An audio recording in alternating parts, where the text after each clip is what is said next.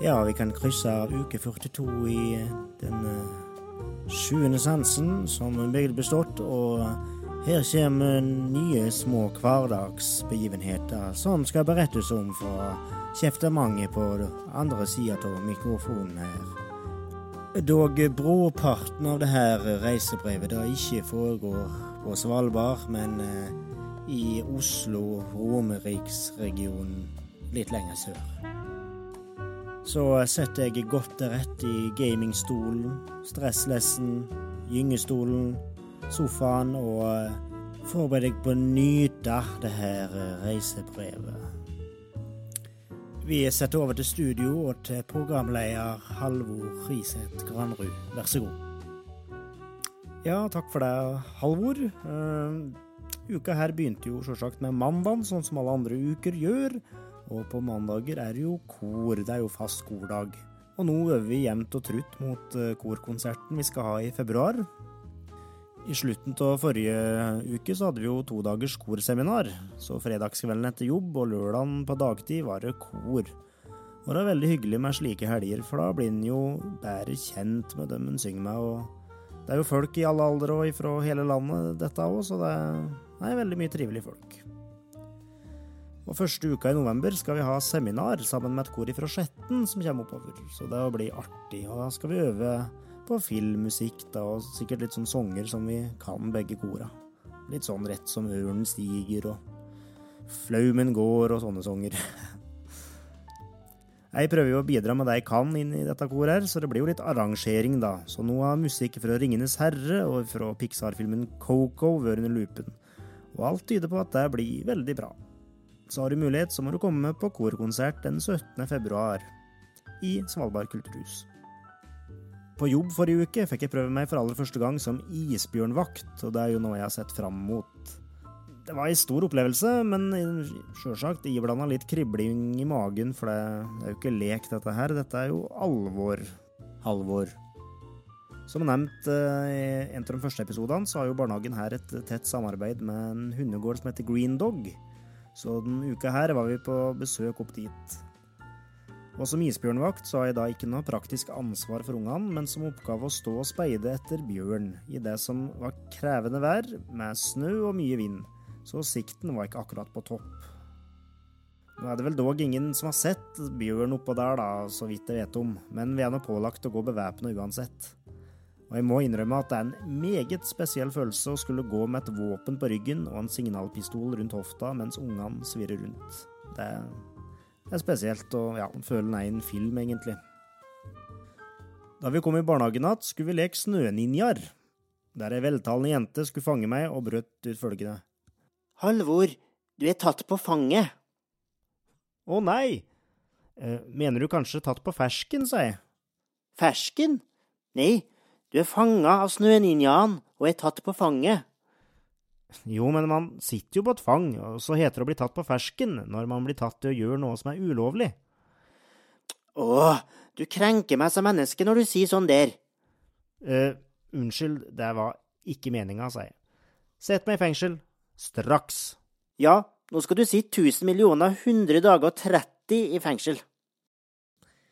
Ja, så da måtte jeg ta straffa mi og satt der i 1000 millioner 100 dager og 30. Men jeg er ute igjen nå, da.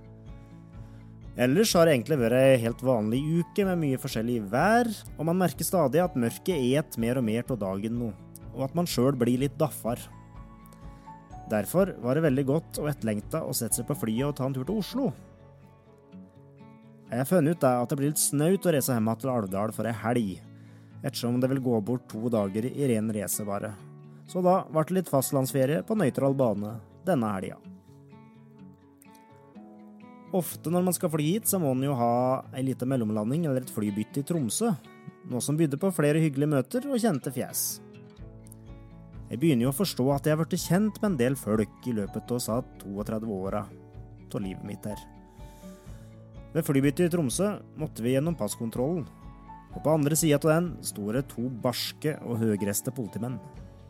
Neimen, er det lensmannen? sa jeg. Jeg kjente så vidt atten, men den ene konstabelen viste seg å være en gammel lagkamerat ifra tida jeg sparka fotball på Røros.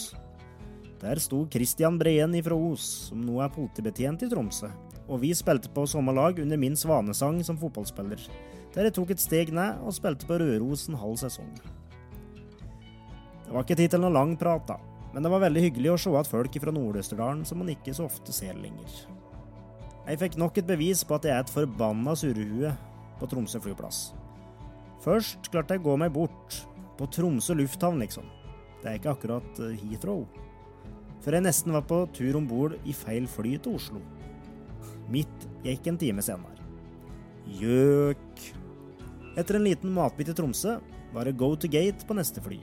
Og ut fra flyet, som kjørte tur rett til Oslo, fikk jeg øye på et nytt kjent fjes. Nemlig Ingrid Nøren Stenersen, som jeg gikk på Romerike folkehøgskole med, og som jeg hadde kontakt med helt siden. Kjente etternavn, tenker du sikkert. Ja, det stemmer. Far hennes er fra Tynset, og mor hinna har nære aner på Os. Sist jeg så Ingrid, var i fjor sommer, da hun og samboeren reiste rundt i Innlandet på sommerturné med Innlandsradioen. Og da ville de lage en sending med meg og Simen om Alvdalspodden. Det var artig, og det ligger nok på NRK radio en plass, vil jeg tro, hvis Nøren vil høre. Ingrid var i Tromsø for å besøke tanta si som bor der. Og tanta kjenner jeg òg godt, ifra Nord-Østerdal Lassjøralag og turer med hest til Rørosmartnan.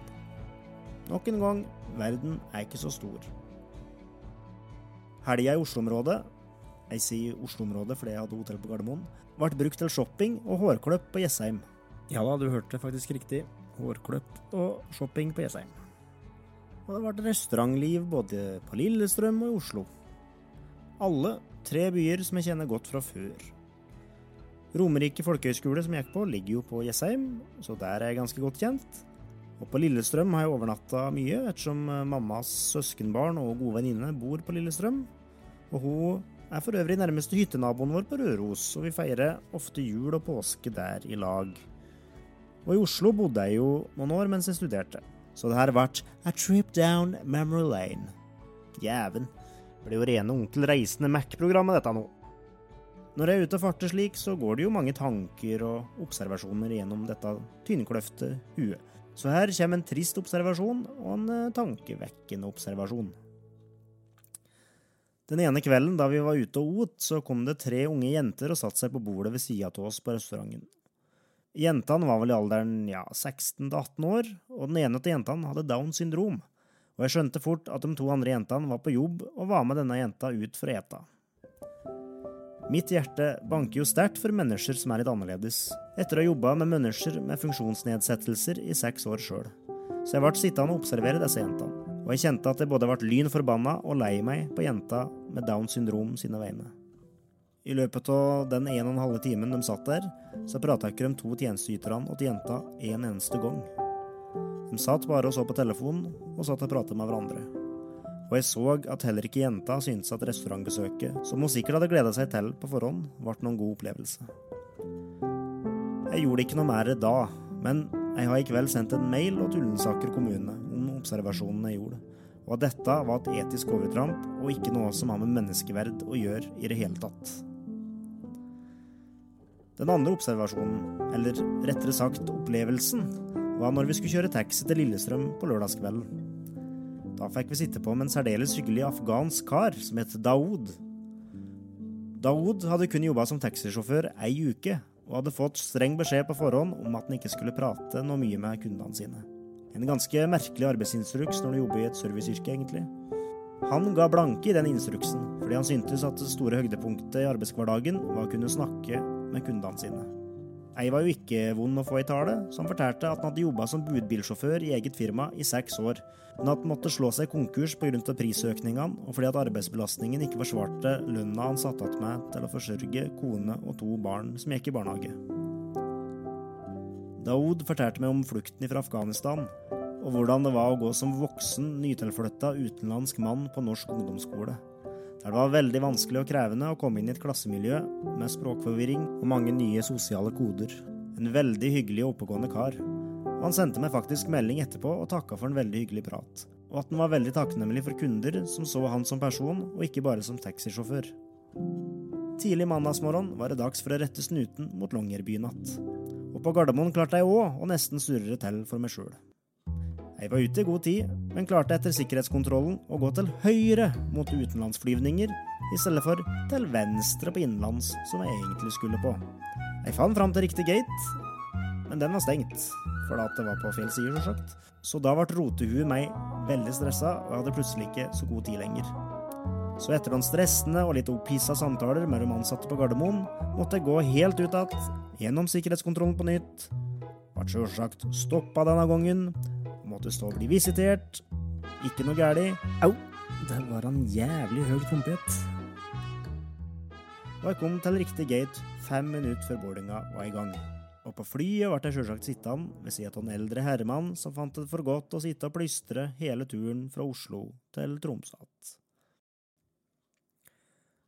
På søndagen så var det jo kjent TV-aksjon, og TV-aksjon er jo en veldig stor greie her på Svalbard. Og det har jo vært arrangementer på forhånd her nå i lange tider. Vi sprang jo stafett for inntekt til TV-aksjonen, og samla inn 60 000 kroner til det.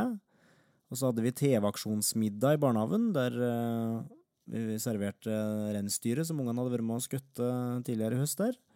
Og vi hadde sang og litt forskjellig, og da samla vi inn 10 000 kroner. Og jeg så på TV-aksjonssendinga at som, sånn som Svalbard ofte gjør, at de topper TV-aksjonsstatistikken, og at Svalbard hadde samla inn den nette sum av 1 262 977. Noe som tilsvarer 505 kroner per innbygger. Så det er mye giverglede oppe på øya her. Det var vel alt jeg hadde å fortelle denne gangen. Takk for nå. Ja, tusen takk for det, Halvor. Vi må jo bare si at du er en utrolig flink formidler. Vittig, kunnskapsrik, observant og veltalende. Jeg lurer på, kanskje du skulle snakke med en lege om dette? Jeg hadde en gang en onkel som hadde så utrolig mange tanker i hovedet, og han søkte faktisk Nei, du feider meg ikke ut nå, Halvor. Han søkte faktisk tilflukt i et buddhistisk munketempel i Tibet. Ikke feid meg ut, sa jeg. Halvor. Halvor.